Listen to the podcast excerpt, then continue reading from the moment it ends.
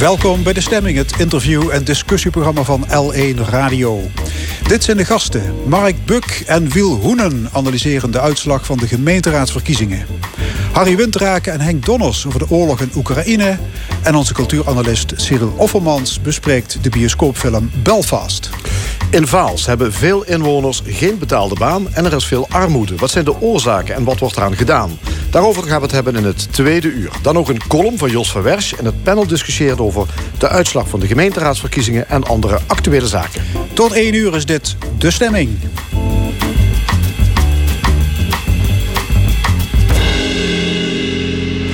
Nu de kruiddampen van de gemeenteraadsverkiezingen van woensdag zijn opgetrokken, maken we de balans op.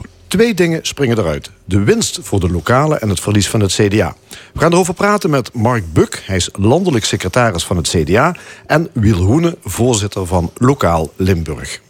Heren, welkom. Meneer Buk, u bent ook nog fractievoorzitter van het CDA in Nijmegen. Licht verlies, toch behoud van twee zetels. Zeker. Tevreden? Ja, want het zijn mijn laatste anderhalve week als fractievoorzitter in Nijmegen. Dus ik ben heel blij dat mijn uh, opvolger ook met twee zetels door mag. Ja, zeker. Ja, u gaat er nou stoppen na twee keer vier jaar. Vindt ja. u het mooi geweest? Ik vond het voor de lokale politiek wel uh, mooi geweest... en ook goed om het stokje over te dragen, ja. Ja, u zijn nou twee zetels. Ja, beter dan niks. Maar kun je met twee zetels op een totaal van 39 potten breken?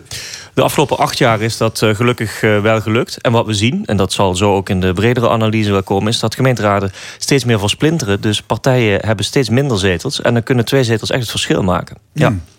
Ja, GroenLinks was en blijft de grootste in Nijmegen.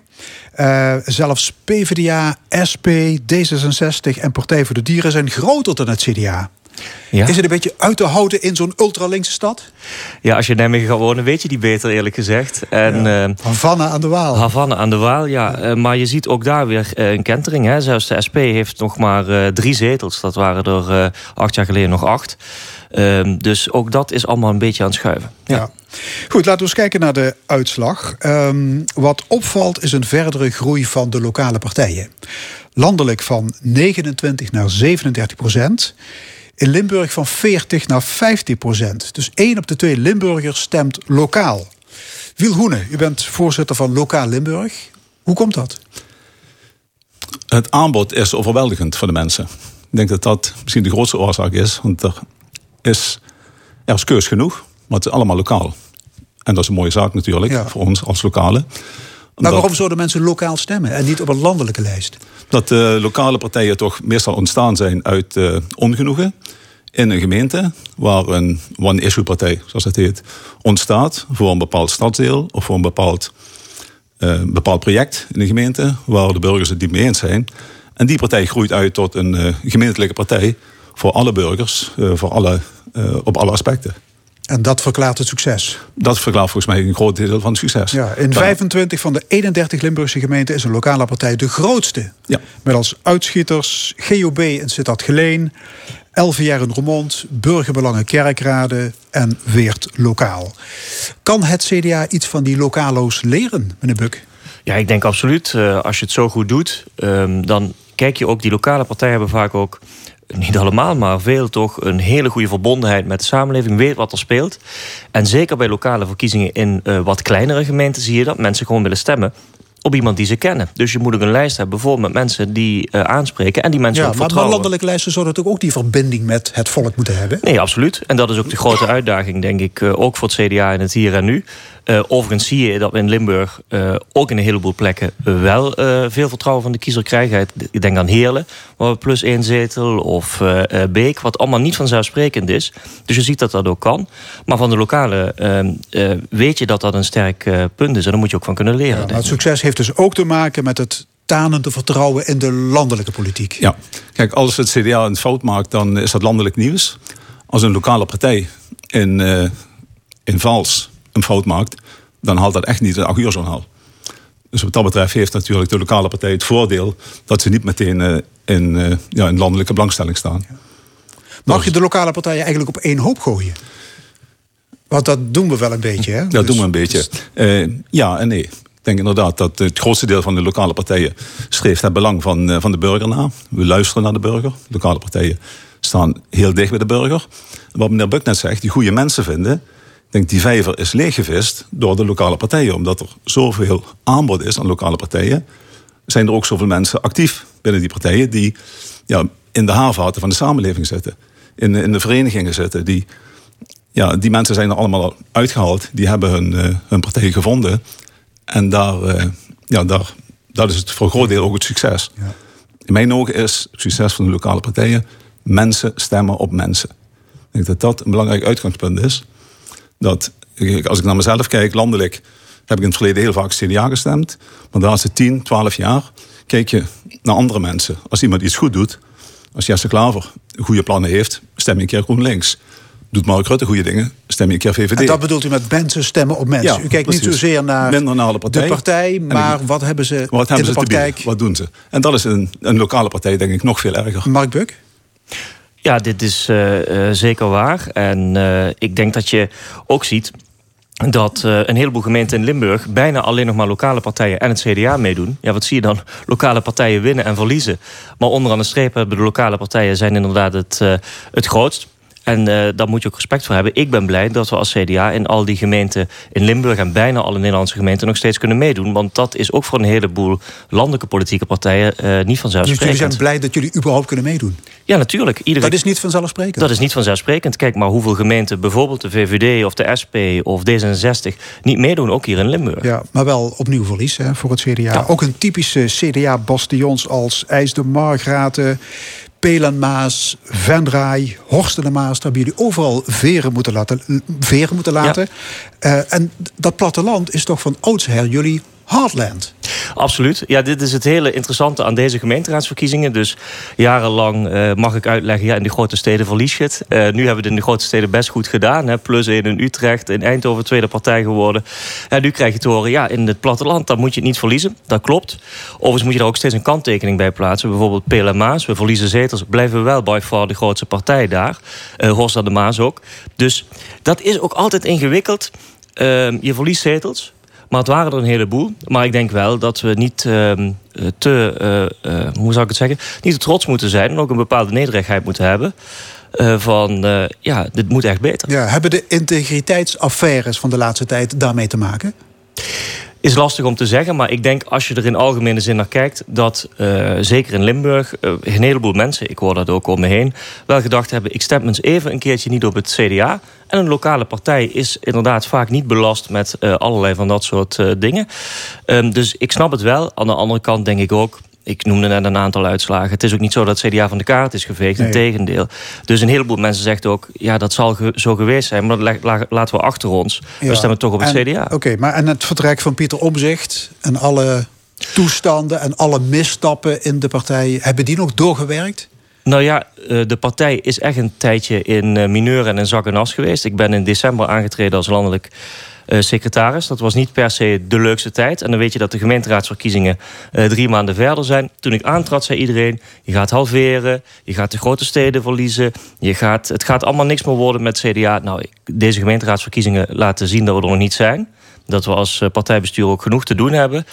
Um, maar volgens mij is van halveren of van dat we niet meer zichtbaar zijn geen Nee, sprake. maar wel vijf keer verlies achter elkaar. Meneer Hoene, is, dit, is het langzaam afgelopen met de dominante positie van het CDA in deze provincie? Dat liggen hun zelf. Dat zal, kijk, de, de lokale partijen kun je niet, uh, niet uitvlakken. Die zullen alleen maar groeien en toenemen. Uh, in aantal. Dat zijn ook vaak trouwens verkapte CDA-lijsten, hè? Of niet? Vaak wel. Ja, nee, er zit, alle partijen zijn erin vertegenwoordigd. Ik denk dat dat, uh, dat gremium gaat van, van links tot rechts. Nee, dat kun je echt niet, dan kun je ze niet over één kam scheren, laat ik het zo zeggen. Nee, dat, uh, dat gaat alle kanten op. Maar de vraag ging over de dominantie van het CDA in Limburg. Ja, klopt. Is nee. dit het begin van het einde? Ja, ik denk dat dat al jaren geleden is ingezet. Dat uh, het is aan hun of ze het wel de schip kan keren. Dus daar, uh, daar zal natuurlijk een, een, flinke portie werk voor hun aan. Ja. aan. Mark Beuk, is het tijd voor vernieuwing en verjonging?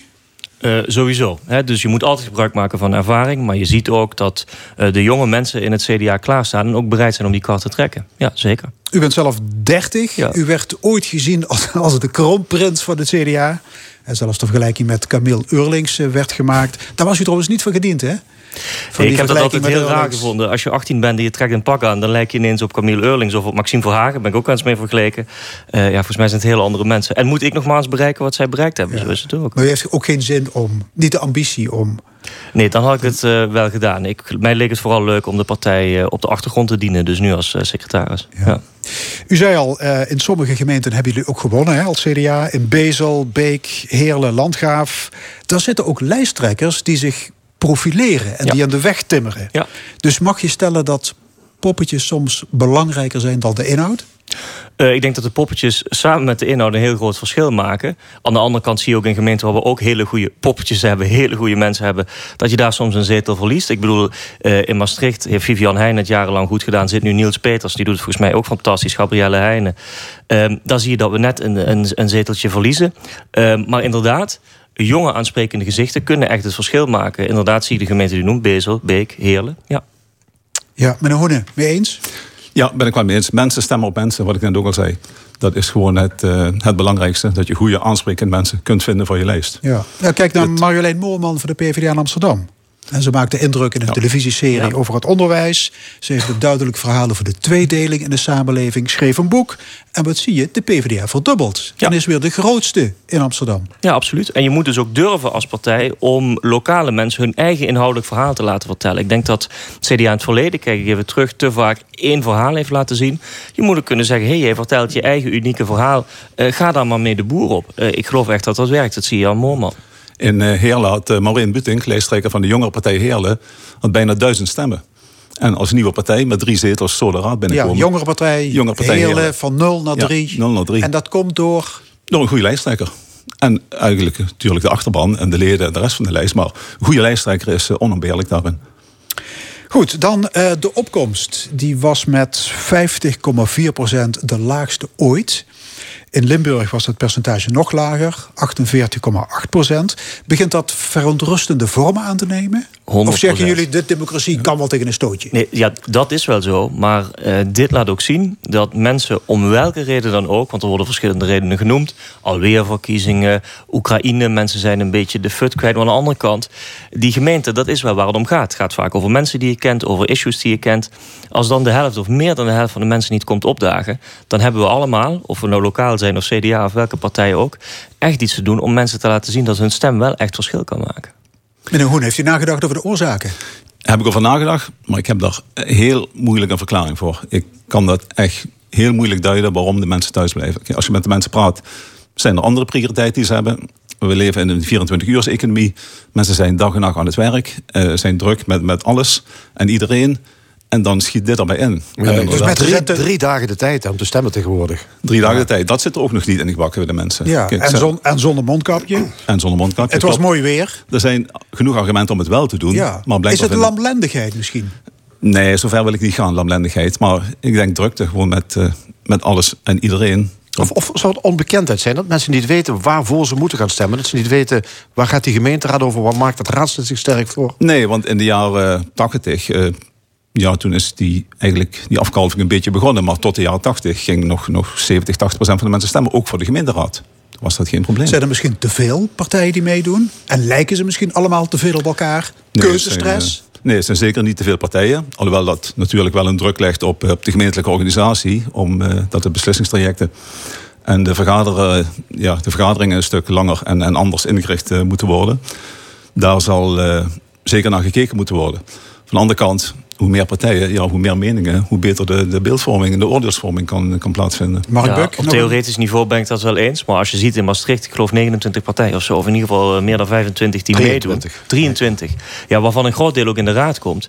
Ik zie het in Nijmegen hadden we 11 partijen, maar je ziet het ook in Rotterdam. Dan moeten dadelijk colleges worden gevormd uit 4, 5, 6, 7 partijen met uh, evenveel ja, maar dat zegt niks over de, over de lage opkomst, hè? Nou, ik denk dat mensen wel... Je hoort twee verschillende dingen daarover. Eén is, ja, er is zoveel te kiezen. Uh, die kwaal der waal. Uh, wat moet ik eigenlijk stemmen? Of inderdaad, wat zijn de onderscheiden punten? mijn, mijn moeder is net verhuisd naar Gulpen-Witten. Daar doen vier of vijf lokale partijen mee en het CDA. Uh, nou, ze zou misschien wat meer geneigd zijn om op een lokale partij te stemmen. Maar waarin verschillen die, die vijf uh, verschillende lokale partijen dan van elkaar?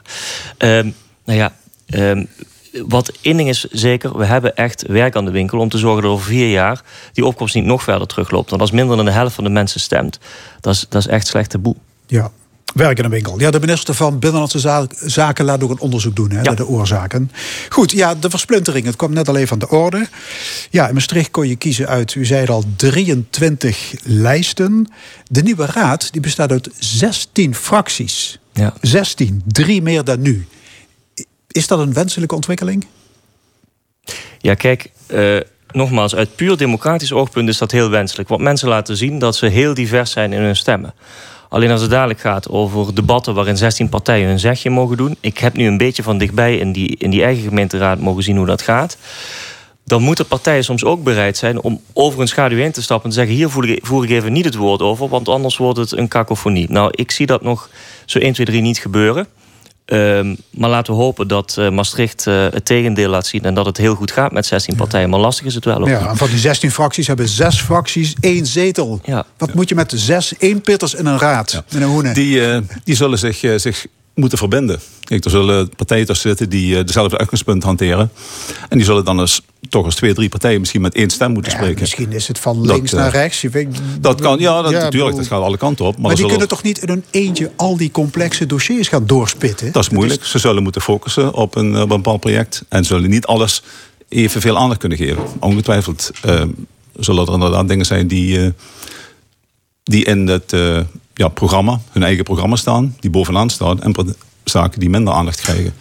Hoe kan het trouwens dat lokaal Limburg, het overkoepelende platform, zo klein is in de provinciale politiek? Twee van de 47 zetels. Ja, nou, wij zijn. Uh, ik denk de bekendheid. Lokaal Limburg is bij het grote publiek onbekend, omdat onze leden zijn de lokale partijen in Limburg. We hebben bijna 20 leden, lokale partijen, van Venlo tot, uh, tot IJsden, die lid zijn bij ons.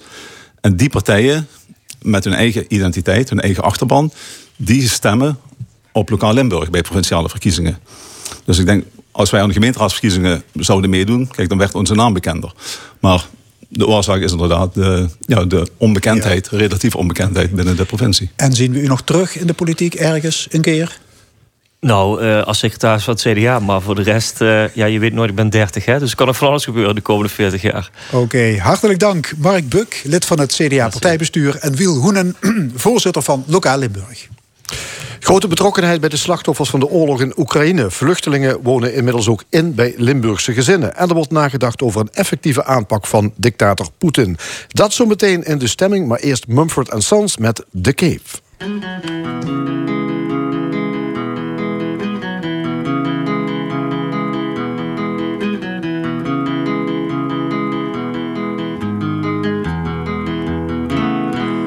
Empty in the valley of your heart. The sun it rises slowly as you walk away from all the fears and all the faults you've left behind. The harvest left no food for you to eat. You cannibal, you meat eater, you see. But I have seen the same, I know the shame in your defeat. But I will hold on hope and I won't let you choke on the noose around your neck. And I'll find strength in pain and I will change my ways. I'll know my name as it's cold again.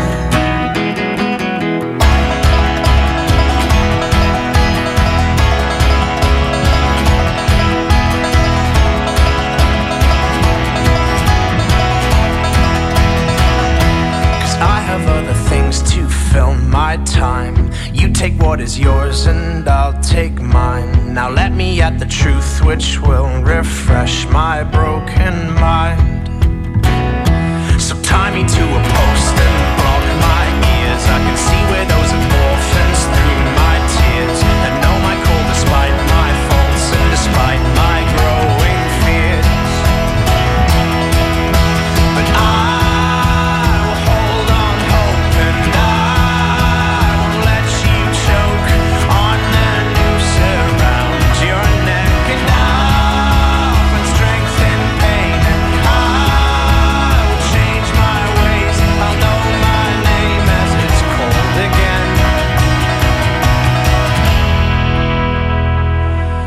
come out of your cave walking on your hands and see the world hanging upside down. You can understand dependence when you know their maker's land.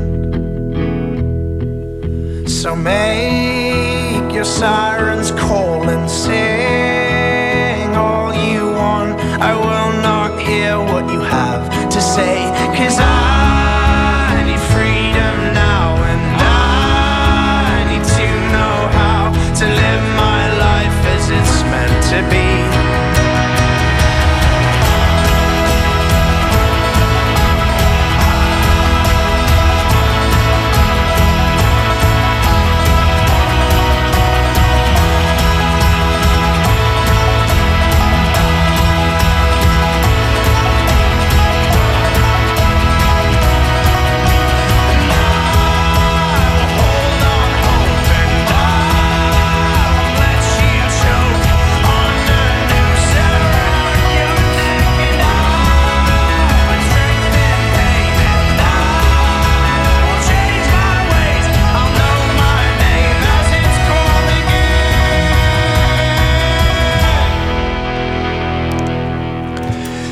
Vandaag is dag 25 van de oorlog in Oekraïne. Wat kan het Westen doen om de Russische agressie te stoppen?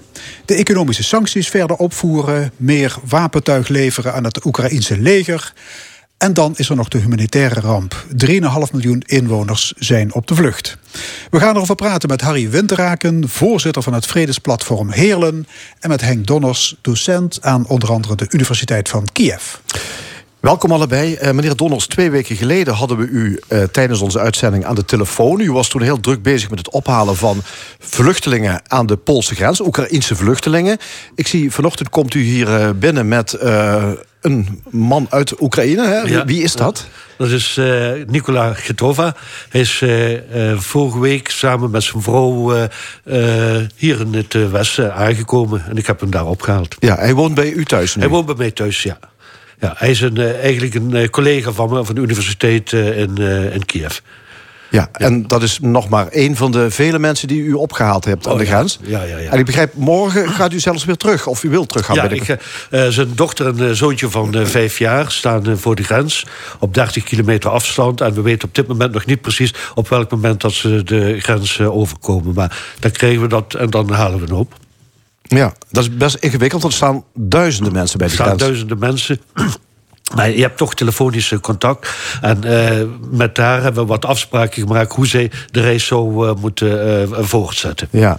Hoe, um, ja, hoe, hoe, is het met, met, met die mensen die u ophaalt en her en der onderbrengt? Hoe, hoe, ja, hoe is het met ze? Ja, die hebben geen. Uh, die komen niet met een lach die grens over. Ze zijn erg gedeprimeerd.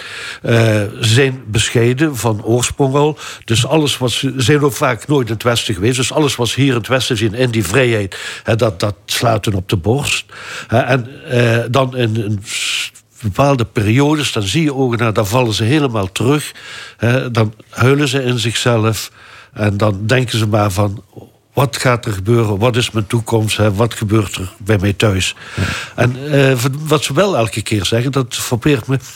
Zo snel als uh, de oorlog is afgelopen, ben ik terug in de Oekraïne. Ja. Overigens, uw huisgenoot die hier dus ook aanwezig is, spreekt geen, uh, geen Engels. Uh, dus ook een van de redenen. Nee, we kunnen hem is... niet in de uitzending halen. Hè? Dat is, nee, de, dat is ja. het, ja, kijken jullie bijvoorbeeld thuis, kijkt u met hem naar, de, naar televisie, naar de beelden uit ja, Oekraïne? ik heb het nieuws regelmatig opstaan, maar dan barst hij toch regelmatig in, in tranen uit.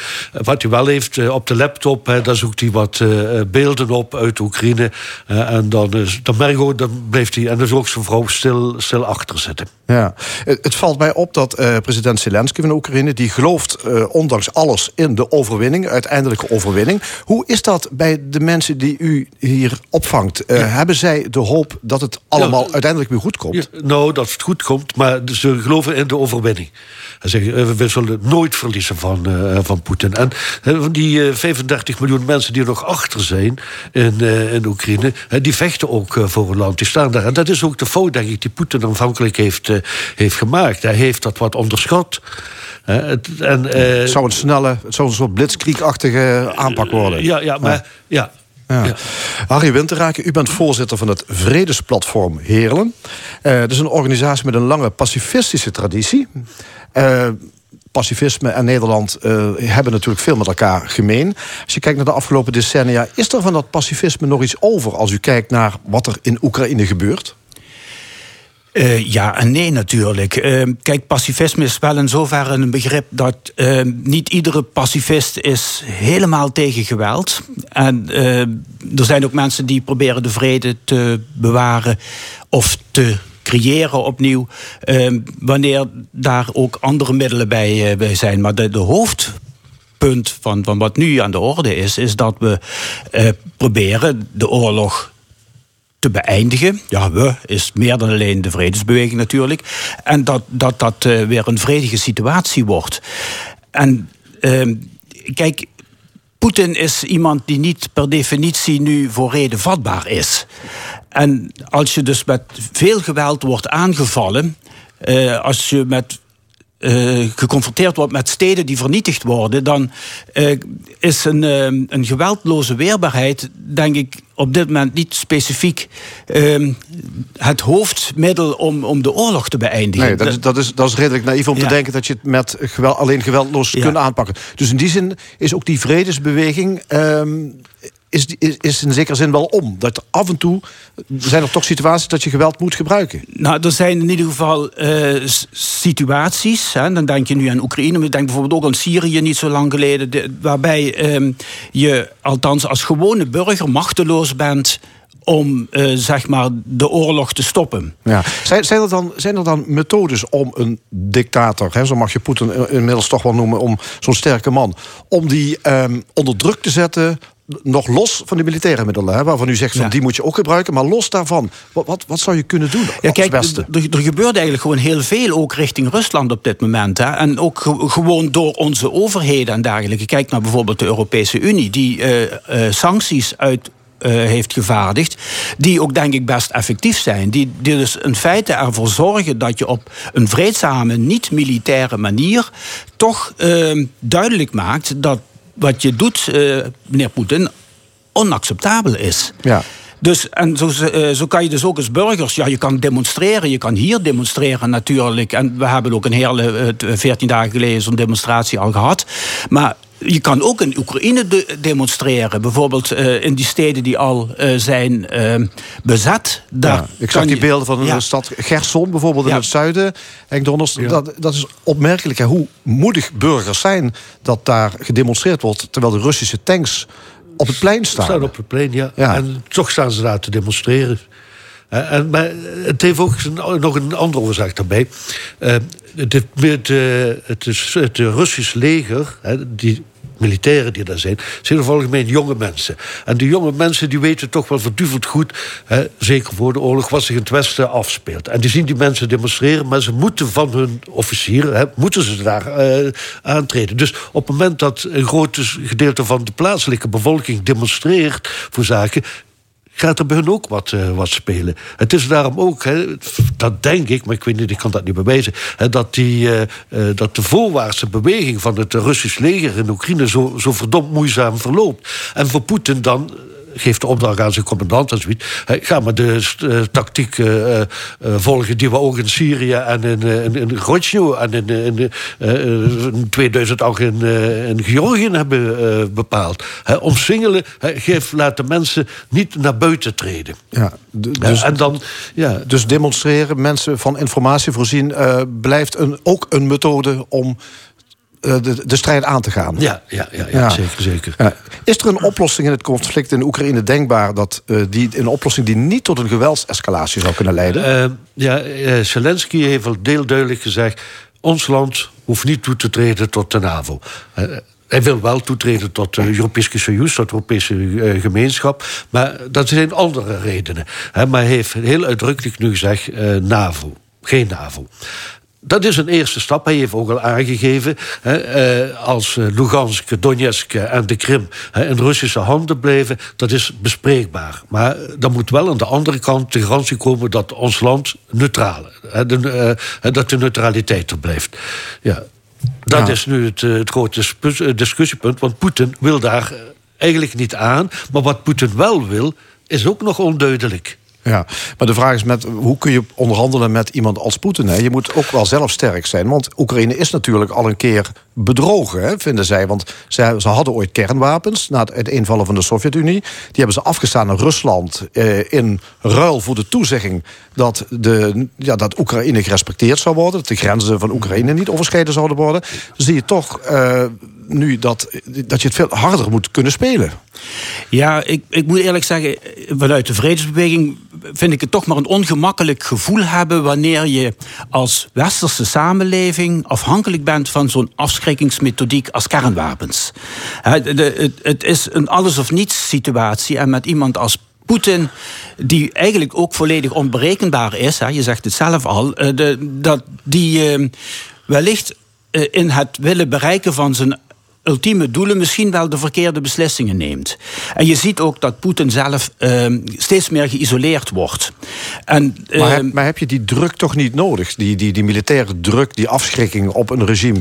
eh, om, om het enigszins een toom te houden? Misschien op dit moment wel, hè? want je, je, je kan denk ik eh, niet met alleen vreedzame middelen zo iemand als Poetin tegenhouden. Dat, dat, dat beseffen wij natuurlijk ook wel. Maar de vraag is, eh, hoe ga je dan daarmee verder? Hè? Ik- U werd net, werd net gezegd van je kan wat compromissen sluiten met Poetin. Bijvoorbeeld eh, Donetsk en, en, de Krim en zo. Eh, als je dat doet, dan komt hij dus gedeeltelijk als overwinnaar uit de strijd. En daarmee eh, her- is hij zijn reputatie in zijn eigen land weer verder aan het eh, versterken. En dat wil je natuurlijk niet. Je wil uiteindelijk dat ook Poetin zich zal verantwoorden voor een internationaal strafhof. eh, dat die voor oorlogsmisdaden eh, wordt aangerekend. En dat betekent dus eigenlijk dat je eh, misschien wel. Hè, eh, kijk, er zijn nu steden die worden zodanig gebombardeerd dat je zegt van ja, laat dat in godsnaam ophouden. En eh, dan zou je kunnen zeggen, die stad Lushenko, bevo- eh, de Mariupol bijvoorbeeld, die, eh, die is eh, erg, eh, ja, denk ik, ten einde raad. En als je dan zegt, ja, we geven ons over, dan is dat misschien onderdeel van een compromis. Waarbij je uiteindelijk ervoor moet zorgen dat die oorlog wordt beëindigd. En dat je anderzijds ervoor moet zorgen dat Poetin ook wel niet te veel ehm, zeg maar, waardering krijgt in eigen land. Dat hij daarmee steviger in zijn zadel eh, komt zitten. Ja, Henk ik neem aan u praat ook met mensen die uit Oekraïne komen over... ja, eh, hoe zou je dit los van het, eh, van, het militaire, hè, van, van die oorlog... hoe kun je Poetin inderdaad dwingen misschien tot, tot, ja, tot, tot een vergelijk... Tot een, eh, dat, dat er een onderhandelingsresultaat komt. Wat, wat, wat- is bespreekbaar voor Oekraïners? Om, welk wisselgeld willen ze wel ingeven? Niet veel. Niet veel. Men gaat ervan uit, wat heeft Poetin in 1993 verkondigd... toen hij nog KGB-officier was in Dresden? Hij wilde het grote Rusland terug hebben. Ja, en wat, dat betekent dat al die neutraliteitslanden... Dat hij daar een oogje op heeft. En dat zie je ook in de loop van de, van de geschiedenis. En eh, dan is Poetin is dan niet meer voor reden vatbaar om op een andere manier aan te pakken. Wat de mensen dan alleen en wel kunnen doen, is hun vrienden, kennissen die in Rusland hebben wonen, om die te informeren van de werkelijke toestand. En niet de toestand zoals je op de staatstelevisie, op de Russische staatstelevisie komt. Dus dat er een, als het ware een oppositie gecre- gecreëerd wordt in, eh, in Rusland. En dat zie je op dit moment dat dat ook langzaamaan gaat gebeuren. Kijk, die oligarchen die er overal zitten, die worden economisch en financieel behoorlijk hard aangepakt. Maar als je ook nog eens een keer daarbij de juiste informatie aan hun kunt verstrekken, dan gaan ze allemaal twijfelen. Ja, maar ja, het is een groot probleem. Hè? De Russen zijn overgeleverd aan de informatie van de staatstelevisie, de staatsmedia. Dus hoe kun je dat, ja, hoe kun je dat doorbreken? Ja, eh, via eh, internet en via eh, de hackers. En Ja. daar is men in de Oekraïne ontzettend actief mee. Ja, die zijn handig. eh, maar ja, dan Ja. moeten die Russen moeten het ook nog weer kunnen lezen, zou ik maar zeggen. Die Ja, maar dat gaat naar de, naar de jongeren toe. Hè. Kijk, die ouderen die in Rusland die zijn niet of nauwelijks eh, benaderbaar. Hè, En die geloven ook nog in het eh, grote Rusland. Maar het gaat voornamelijk hoe kregen die jongeren eh, de, eh, de straat op? Ja. Eh, toch zie je dat er ook een militaire reactie eh, komt, ook vanuit het Westen. Hè. Duitsland gaat 100 miljard investeren in het leger. Hoe anders zal onze internationale orde worden na deze oorlog? Of ja, misschien zelfs al tijdens deze oorlog eh, in Oekraïne? Ja, dat, dat is moeilijk voorspelbaar. Maar wat wel duidelijk is, is dat ehm, op regeringsniveau steeds meer eh, aandacht komt voor, eh, ja, zeg maar, niet puur de economische kant van de zaken, van de manier van eh, contact te hebben. Ehm, dat is een proces dat al langer gaande is, waarbij eh, mensen dus, eh, en dan doe ik op regeringsleiders, eh, toch contacten gaan eh, anders gaan invullen. Ehm, voor de, oorlog werd er heel veel gebeld en getelefoneerd door de regeringsleiders met, eh, eh, met- met Poetin. En ze zijn er ook op bezoek geweest. En je ziet gewoon dat ze daar belazerd zijn geworden. Poetin mag liegen. Poetin mag bedriegen van zichzelf. Hij mag zijn eigen bevolking onderdrukken. Hij heeft andere omgangsnormen dan dat we hier in het Westen hebben. Hij houdt zich niet aan afspraken. Ja, wat gaat dat betekenen? En, en dat gaat dus betekenen dat je daar ook op moet gaan reageren op een manier dat het hem wel duidelijk wordt dat hij uiteindelijk er geen baat bij heeft in op de huidige manier eh, zeg maar eh, oorlog te voeren en anderszins zijn eigen bevolking te onderdrukken en dat uiteindelijk de, de manier van, van, van een duurzame democratie beter zal zijn dan eh, ja, zijn machtsvertoon op dit Ja. moment. Nou, de Oekraïners zelf die denken... je moet hem gewoon eh, militair eh, tegenhouden. Dat is de enige mogelijkheid. En geloven dat ze gaan overwinnen. Hebben de, de, de, Oekraïners ook al een beeld van de samenleving na die oorlog? Stel, ze zouden... Ja, Oekraïners zijn voor eh, toetreding tot, eh, eh, tot Europa. Hè, dat is ook het punt waar, de, waar Poetin pijn doet. Hè, hij ziet dat eh, sinds 2014 bij het verdwijnen van Yanukovych... hè, dat eh, Oekraïne een ontzettende modernere tijd is ingegaan. En meer een democratischer tijd. Met Zelensky en Cabaretier die daar president wordt... waar iedereen dacht van, nou ja, Cabaretier als president. Maar heel Oekraïne staat thans achter eh, die man. En Zelensky die roept geen NAVO, maar wel Europese Unie. Dat is, dat is de toekomst die Oekraïne voor zichzelf ziet in het Westen. En dan denk ik ook dat Europa ook goed bij zichzelf eens een keer te raden moet gaan... welke functie Europa heeft in Europa. Oké, dank u wel voor jullie komst. Arie Winterhaken en Henk Donners. Graag gedaan. U luistert naar de stemming van L1 Radio. Iedere zondag van 11 tot 1 over politiek, cultuur en samenleving. Zometeen onze analist Cyril Offermans. Hij bekeek de film Belfast, die zich afspeelt tijdens de burgeroorlog in Noord-Ierland. En beveelt goede boeken aan over Rusland en Oekraïne. Eerst Otis Redding.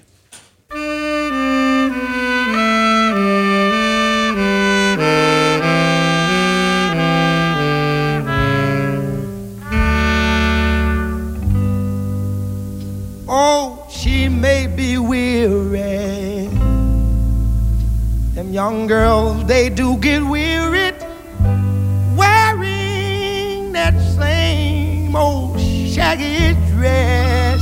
Yeah, yeah. But when she gets weary, try a little tenderness.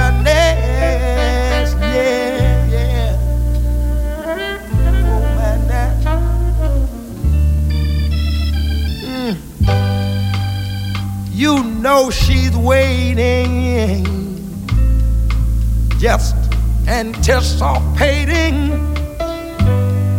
for things that she'll never, never, never, never possess. Yeah, yeah. But while she's there waiting, and without them, try a little tenderness. Gotta do.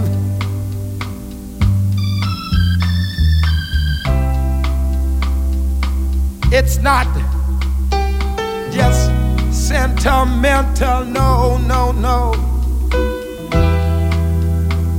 She has her grief and care, yeah, yeah, yeah. But the soft words, they are spoke so gentle, yeah. It makes it easier, easier to bear.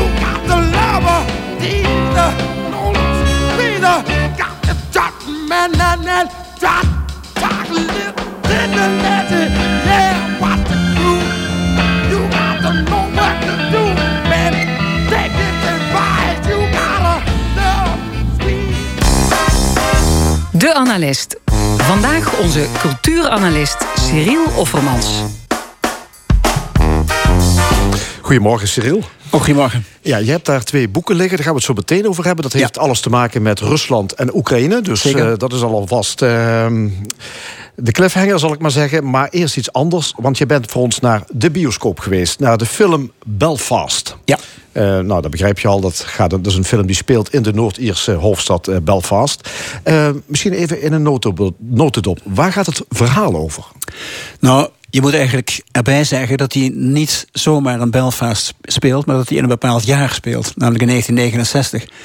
Dat is eh, voor ons waarschijnlijk een jaar waar we eerder aan studentenprotest of aan eh, anti- anti-Amerika-demonstraties denken dan wat ook. Maar in Belfast roept die, dat jaartal totaal andere associaties op.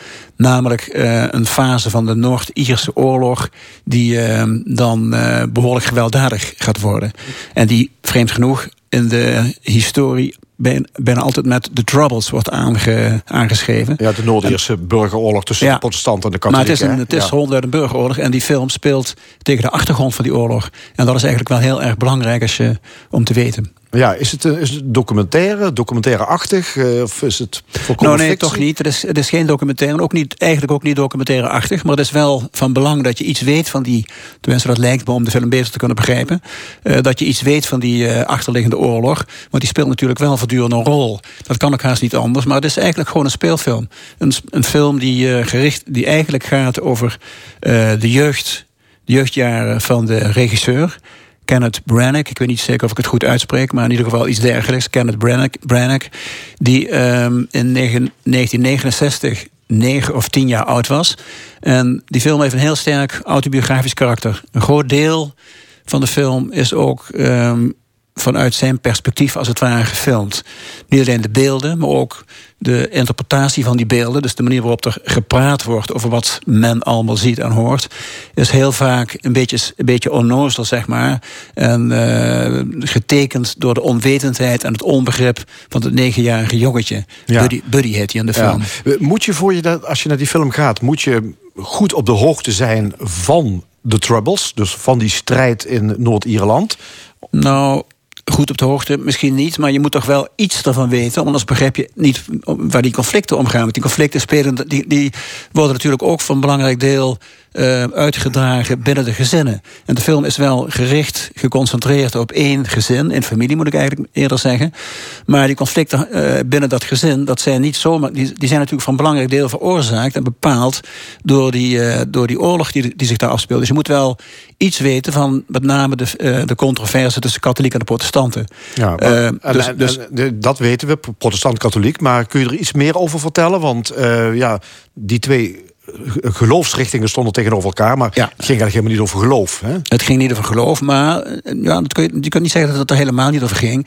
Want ehm, de Noord-Ierland heeft al, al heel lang, is een vast onderdeel van Groot-Brittannië. En er zitten in Noord-Ierland zijn er mensen die dat willen. Die, die, die bij het, dat zijn de unionisten. Hè, die willen aangesloten blijven bij het grote koninkrijk. Maar er is ook een eh, minderheid van katholieken.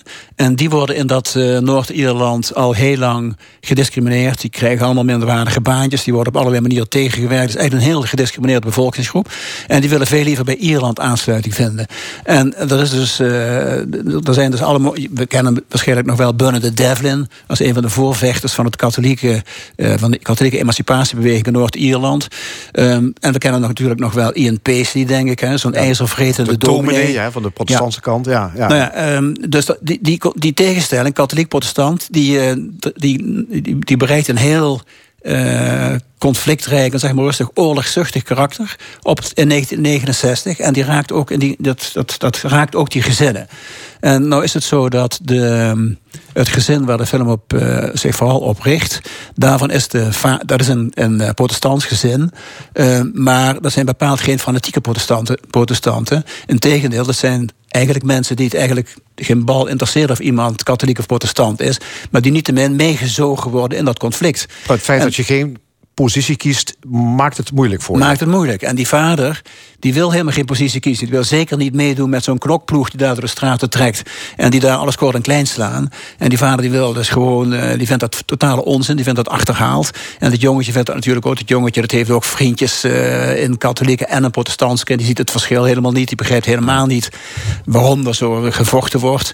Eh, die moeder trouwens ook. Hè, een knappe vrouw die ook heel standvastig is. En die helemaal niet in, die in dat oorlogsgeweld meegetrokken wil worden. En dat Dus- gezin komt in de problemen daardoor? komt de, mede daardoor in de problemen. Want die vader die wordt bedreigd door fanatieke protestanten.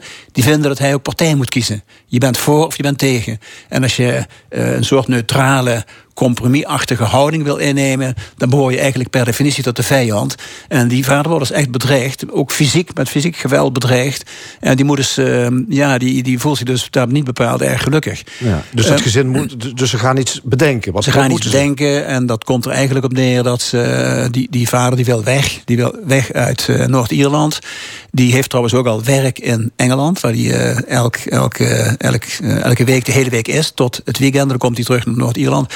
Maar die wil daar van goed gaan werken, die wil, wil emigreren. De rest van het gezin wil dat niet. Met name de moeder wil dat niet. Die, en de kinderen, de natuurlijk ook niet. Want die eh, zijn gehecht aan hun vriendjes en aan hun eigen kring. En vooral die moeder is heel standvastig. Die wil per se in haar geboorteland blijven. En eh, die wil niet zwichten voor het geweld van de, van de protestanten. En, eh, en ook natuurlijk niet van de katholieken. Ehm, uiteindelijk gaan ze toch eh, weg. Ehm, ze emigreren. Ik, als, ik, als ik me niet eh, vergis, gaan ze naar Australië. Dat is niet, niet helemaal duidelijk op het eind. Maar ze, ja, ze laten dus toch Ierland in de steek. Ja. En nou ja, dat is eigenlijk het verhaal, zeg maar, in grote lijnen. Ja, Ehm, de film heeft, eh, is veel besproken al. En bijvoorbeeld NRC geeft vijf sterren, dat is het maximum. Ja. Ehm, in de Volkshand drie. Ja, dat, was, dat is een behoorlijk groot verschil inderdaad. Dus ja. kun je ons uit de brand helpen? Wat, eh, wat vind jij Ja, ervan? nou, dat, eh, ik, ik zou niet zonder meer eh, voor een van die twee uitersten willen kiezen. Of uitersten. Ehm, kijk, het, hangt natuurlijk, het is natuurlijk ook wel een kwestie van smaak. Ik vond zelf dat veel scènes eh, ja, zijn mooi gefilmd. Eh, het spel is wat mij betreft ook voortreffelijk. Ehm, dus geen van de acterende figuren eh, speelt onder de maat, zou je kunnen zeggen. Zo- Sommige zelfs echt duidelijk overtuigend. Maar er zijn toch ook wel heel wat scènes die ik eh, vind druipen van de nostalgie en ook van het sentiment. Ik vind de film vaak op het randje van het sentimentalisme. En eh, vanuit, vanuit dat perspectief gezien zou ik eh, eerder kiezen voor de drie sterren van de Volkskrant. Maar als je alleen kijkt naar de beelden en alleen kijkt naar het acteertalent, dan kan ik me voorstellen dat je het, de film hoger waardeert. Dus is een kwestie van smaak. Of je erg opgewassen bent tegen nostalgie en sentimentaliteit. Ja. Of dat je daar erg eerder een hekel aan hebt. En dan, eh, nou ja, iets dergelijks. Ja, misschien, nou- dat, misschien wel nog iets te zeggen over de muziek in de film. Want dat, ehm, ehm, kijk, als je eh, Van Morrison, die de oudere luisteraar waarschijnlijk ook wel moet kennen, die speelt in die film een belangrijke rol. Niet als acteur natuurlijk, maar wat zijn muziek betreft. En die muziek is op zich natuurlijk eh, best de moeite waard. Het zijn hele aardige hits. Eh, nog altijd wel om te horen, maar eigenlijk niet in die film. In die film is die, zijn die hits als het ware ingekwakt, maar Ja. op, op vrij willekeurige plekken. Hebben geen enkel verband eigenlijk met wat je filmisch ziet gebeuren. En dat vond ik eerlijk gezegd nogal een irritant aspect van de, van de hele film. Dus dat zou mij ook ertoe eh, brengen om eerder naar die drie sterren dan naar die vijf sterren te neigen. Oké. Het is eh, Belfast en de, de film die draait in, eh, in meerdere Ja, in. Maastricht en Sittard, Ja. zo ongeveer overal op het ogenblik. Ja. Dan de boeken. Je hebt twee boeken bij je. Ja, en heb- dat heeft alles te maken met eh, ja, het huidige conflict Rusland-Oekraïne. Ja. Eh, het eerste, dat is al van heel erg lang geleden, zie je. Ja, dit, eh, dat zag ik met een paar zinnen. Dat is van Konstantin Paustovsky, een grote Russische auteur... die ehm, een eeuw geleden, in 1917... of nee, zelfs al eerder, eind eh 19e eeuw, begin 20e eeuw... in Kiev op het gymnasium gezeten heeft. Die in 1917 terugkwam naar Kiev omdat zijn moeder in de buurt van Tsjernobyl, in een dorpje in de buurt van Tsjernobyl woonde. eh, als gevolg van de februari-revolutie in, eh, in eh, Rusland eh, verhuisde naar Kiev. En hij heeft zelf in 1917, het revolutiejaar dus in, eh, in Rusland, heeft hij in, eh, in Kiev doorgebracht. En in dit boek, dat heet eh, Begin van een ongekend tijdperk, daarin beschrijft hij de oorlogsverwarring in 1917. En als je, die als je dat leest, dan krijg je de indruk, afgezien van enkele details, alsof het 2022 is. Eh, mensen moeten in schuilkelders worden met, met granaten en bommen bestookt. De stad wordt, wordt omsingeld dreigt belegerd te worden. Maar de bewoners van Kiev hebben nauwelijks enig idee van wie die granaten en die, en die eh, bommen afkomstig zijn. Het is werkelijk alsof je een eeuw ehm, later in de tijd bent, terwijl het toch pas 1917 is. En dat geeft aan, alleen dat geeft al heel duidelijk aan, het is trouwens een prachtig boek verder hoor. En eh, dat geeft aan dat er in Rusland heel weinig veranderd is in de loop van de afgelopen eeuw en eigenlijk eeuwen. Ja, noem, noem nog één keer de schrijver en de Eh, titel. De, het, het, de schrijver heet Konstantin of Postovsky. Postovsky, een bekende naam in de, in de literaire wereld. En het boek heet Begin van een onbekend tijdperk. En, ik heb een, en dan heb je nog een, Ja, ik heb een- ik heb een ander boekje Zeg ik dan heel oneerbiedig? heet, ja, dat mag je best zeggen hoor, want het boekje qua omvang, maar het is een boek, vind ik, qua inhoud. Het is van Michel Krielaars. Krielaars is, eh, was eh 10, 20 jaar geleden NRC-correspondent in Rusland, Moskou. Eh, is alweer een jaar of 10, 15, denk ik, ik weet niet precies, terug in Nederland. Is tegenwoordig de leider van het boekenkatern, van literaire katern van de NRC Handelsblad. En heeft, eh, heeft van der Naald een boek geschreven. Dat heet Oorlog met Rusland. Eigenlijk is het een soort uitgebreide herdruk van een boekje dat hij eerder geschreven heeft in eh, 2014 na annexatie van de Krim. Eh, hij geeft een heel goed overzicht van de ontwikkeling van de Sovjet-Unie en Rusland vanaf 1992. Ehm, hij laat zien waar Poetin zijn inspiratie vandaan haalt eh, en hoe die in het leven staat. Hoe die in de loop van de eeuwen, of van de decennia bedoel ik, is geradicaliseerd. Hoe die voor geen enkele vorm van compromissen meer is eh, te benaderen. Ehm, maar hij geeft ook heel duidelijk aan wat de schuld van het Westen is. Het Westen heeft zich verschrikkelijke Poetin verkeken. In die zin dat ze hem zijn gang hebben laten gaan. En dat ze, ondanks alle waarschuwingen van Václav Havel en diverse anderen, de energiepolitiek van Poetin gesteund hebben. En daar dr- drukken we nu de zure vruchten Ja. van. Eh, nog één keer titel en eh auteur. Ja, oorlog met Rusland, echt aanbevolen. Schrijver Michel Krielaars. Dankjewel, Cyril Offermans. Graag gedaan. Straks in de stemming Vaals, een grensstadje met een behoorlijke sociale problematiek. Verder een column van Jos van Wersch, discussiepanel en nog veel meer. Tot zometeen.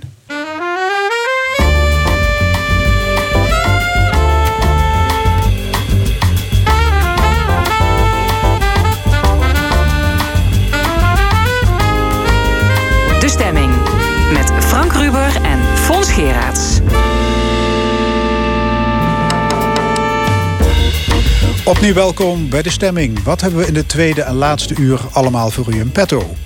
Straks een discussiepanel over de lage opkomst, rantsoen in de supermarkt en andere actuele zaken. De column van Jos van Wersch, maar eerst Vaals. Dat is een gemeente met een stevige sociale agenda. Geen overbodige luxe, want het grensstadje komt met een aantal hardnekkige problemen. Weinig mensen met een betaalde baan, veel inactieve, een vergrijzende bevolking en een serieus armoedeprobleem. We gaan erover praten met Jean-Paul Compier, wethouder werk en economie, en Jolanda Mikic, gemeenteambtenaar en nauw betrokken bij de Ruilwinkel. Welkom allebei. Eh, eerst even over de gemeenteraadsverkiezingen van, eh, van afgelopen week in Vaals. Meneer Compier, u bent van de lijst lokaal. Ondanks de fusie met VNO hebben jullie drie van de vijf zetels verloren. Dat is hard aangekomen? Ja, nou ja, wij hadden gehoopt uiteraard eh, op, op drie zetels. eh, gedroomd eh, over vier zetels. Is niet gelukt. Van de andere kant, lokaal had voor de verkiezingen twee zetels. En na de verkiezingen hebben we ook weer twee zetels. En ik denk dat dat op zich geen slechte uitgangspositie is... om te vechten toch voor een plek in de coalitie. Ja, de nieuwe jongere partij Visie Vaals is de winnaar. Uit het niets met drie zetels gaat er een nieuwe frisse wind waaien in Vaals. Ja, dat moeten we even zien. Eh, zij hebben nu, eh, zijn in de lead. Eh, ik ben nog niet gebeld.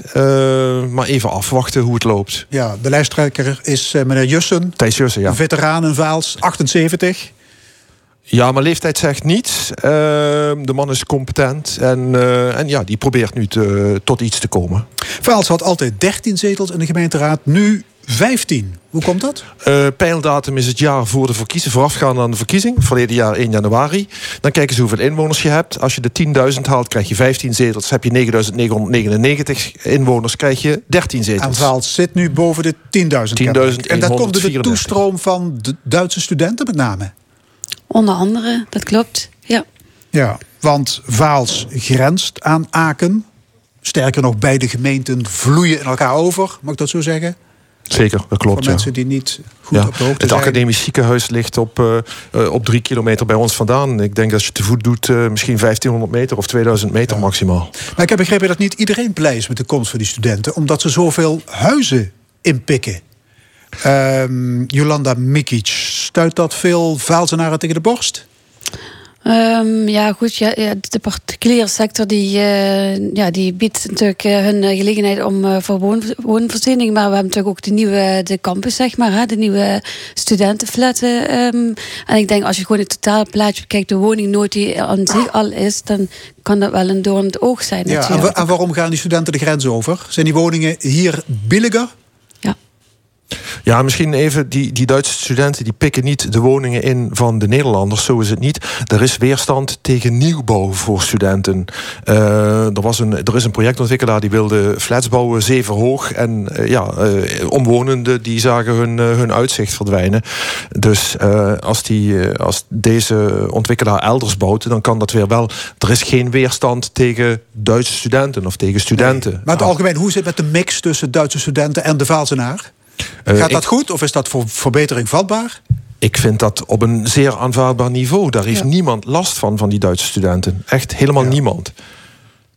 Goed, er werden net een paar eh, sociale problemen opgesomd, zoals de arbeidsparticipatie, de laagste van heel Nederland. Of gaat u dat meteen weer corrigeren, meneer Kompier?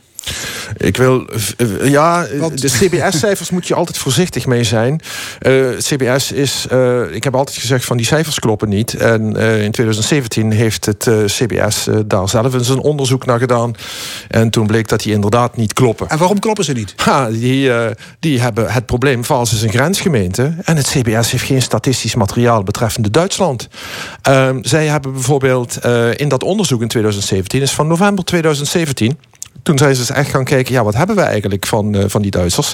En dan blijkt dat ze geen fiscale gegevens hebben, daar komen ze niet aan. Ze hebben van 21% van de inwoners van Vaals... hebben ze helemaal geen, eh, geen inkomstenoverzichten, weten ze niet. En eh, toen hebben ze daar een analyse op losgelaten. Dan gaan ze scenario's gaan ze ontwikkelen. En dan hebben ze de armoedecijfers in de gemeente Vaals bijgesteld... van 15,5% naar 13,5%. Dan kun je wel zeggen, ja, het zijn maar 2%. Maar dat is een groot... Een, statistisch is dat wel een groot verschil. En ze geven ook gewoon toe...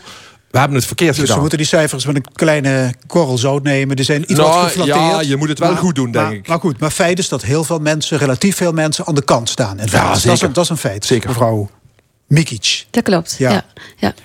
Ehm, dat betekent ook veel mensen in de bijstand. Ehm, en sinds de drie grote transities moet de gemeente opdraaien voor de uitkering. En niet langer het Rijk. Hoe problematisch is dat voor de gemeentekas? Ja, eh, zeer. Wij hebben eh, op dit ogenblik 289 mensen in de bijstand.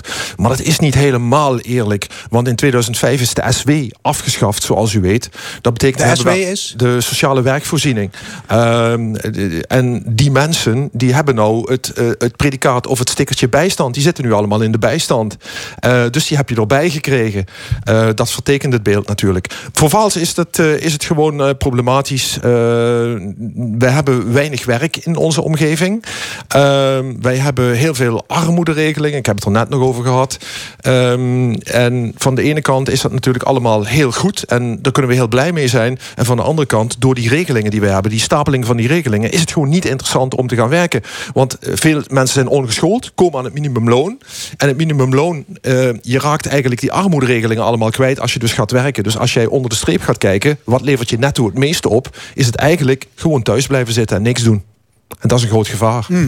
Dus, wat moet er gebeuren? Ja, dat heb ik altijd gezegd. Maar je moet het eh, minimumloon moet je significant verhogen. Ik denk aan 500, 600 euro. Dat moet je doen. En de AOW moet je eraan koppelen. Want we hebben ook heel veel mensen in de AOW die arm zijn. Die moet je ook 500, 600 euro per maand meer geven. Dan wordt het weer interessant om te gaan werken. Dan kan ik ook zeggen, dat, dan heb je weer een prikkel om te gaan werken. Maar zoals het er nu naar uitziet, is het gewoon echt heel moeilijk. En mensen zijn eh, vaak ook, als ze gaan werken, komen ze er slechter uit dan, voor, dan voorheen. Dat is ongelooflijk. Je hebt eh, ja, mensen de bijstand, maar je hebt ook zogenoemde inactieven. Mensen die geen uitkering hebben, niet op zoek zijn naar werk, niet naar school gaan. 13% van de beroepsbevolking. Dat is een fors aantal. Dat is een vast 13%. aan. Ja, ja. Maar ik denk dat het ook te maken heeft met... Hè, we hebben ook een, eh, een bevolking waar eh, veel eh allochtone ehm, mensen zijn... Die, die hier naartoe komen en eh, ja, ook proberen natuurlijk om, om hier een leven op te pakken. En eh, dat maakt het ook soms eh, moeilijk om aansluiting te vinden. En Ja, u, bent, u bent gemeenteambtenaar. Nee, ik- ben eh, Eh, beweegmakelaar. Ja, ja, maar u wordt wel eens aangeduid inderdaad als Ja. beweegmakelaar. Dat heeft niks te maken met fitness. Nee. Maar wat is, wat is het wel? Wat, wat doet een beweegmakelaar? Ehm, ja, een beweegmakelaar probeert vooral eh, aan te sluiten bij de leefwereld van de mensen. Om vooral te kijken wat is er voor nodig dat het goed gaat met die mensen. En dat daar de verbinding te leggen. Wat is er goed, of wat is er voor nodig zodat die mensen weer hun eigen regie kunnen pakken. Hun eigen zelfredzaamheid kunnen creëren. En dat ook staande kunnen houden. En als je bijvoorbeeld kijkt naar participatie. En is het bijvoorbeeld een taak om te kijken hoe kun je mensen weer motiveren, activeren. Om hè, ervaring op te doen in het werk. Om naar betaald Ja. werk te begeleiden. Maar waarom is het zo lastig om die groep weer te laten participeren in de samenleving? Eh, mensen die lang op armoedegrens leven, die, die zitten in een overlevingsmodus. En eh, als, je, als je altijd constant onder stress, hè, financiële problematiek is een behoorlijke stressfactor. Het heeft een, een invloed op je gezondheid, slapen niet, eten niet. En je bent alleen maar bezig met overleven. En dan, dan is er gewoon echt letterlijk figuurlijk geen ruimte om ook maar een, een ontwikkeling aan te gaan. Om na te denken over wat is mijn toekomst. Dus je zult heel nauw moeten aansluiten bij die mensen. Hoe kun je mensen weer triggeren zodat ze weer perspectief krijgen? Wat doen die mensen de hele dag? Ja, wat doen die mensen de hele dag? Ik denk eh, vooral gewoon hun dagelijkse dingen. Het, het huishouden, eh, boodschappen doen. En, ja, en ik denk dat wij vooral proberen te kijken... hoe kun je die mensen toch activeren om weer in de maatschappij te komen te staan. Hè? Bijvoorbeeld door vrijwilligerswerk te doen. Of bijvoorbeeld zoals de ruilwinkel die we hebben. Om daar eens binnen te lopen als je spullen nodig hebt. Met elkaar uit te wisselen. Maar vooral ook om te ontmoeten. Om dan vandaar ook uit te Ja. kijken... Van, hoe kun je daar toch iets gaan betekenen. Ja, om maar weer- die 13% inclusieven die hebben geen werk, die hebben geen uitkering. Wa- waar leven die mensen van? Ja. Er zijn ook luchthappers. Ehm, ik zal Luchthappers? Ja, ik zal het woord luchthappers. Ja, dat is een. eh, kun je op googlen.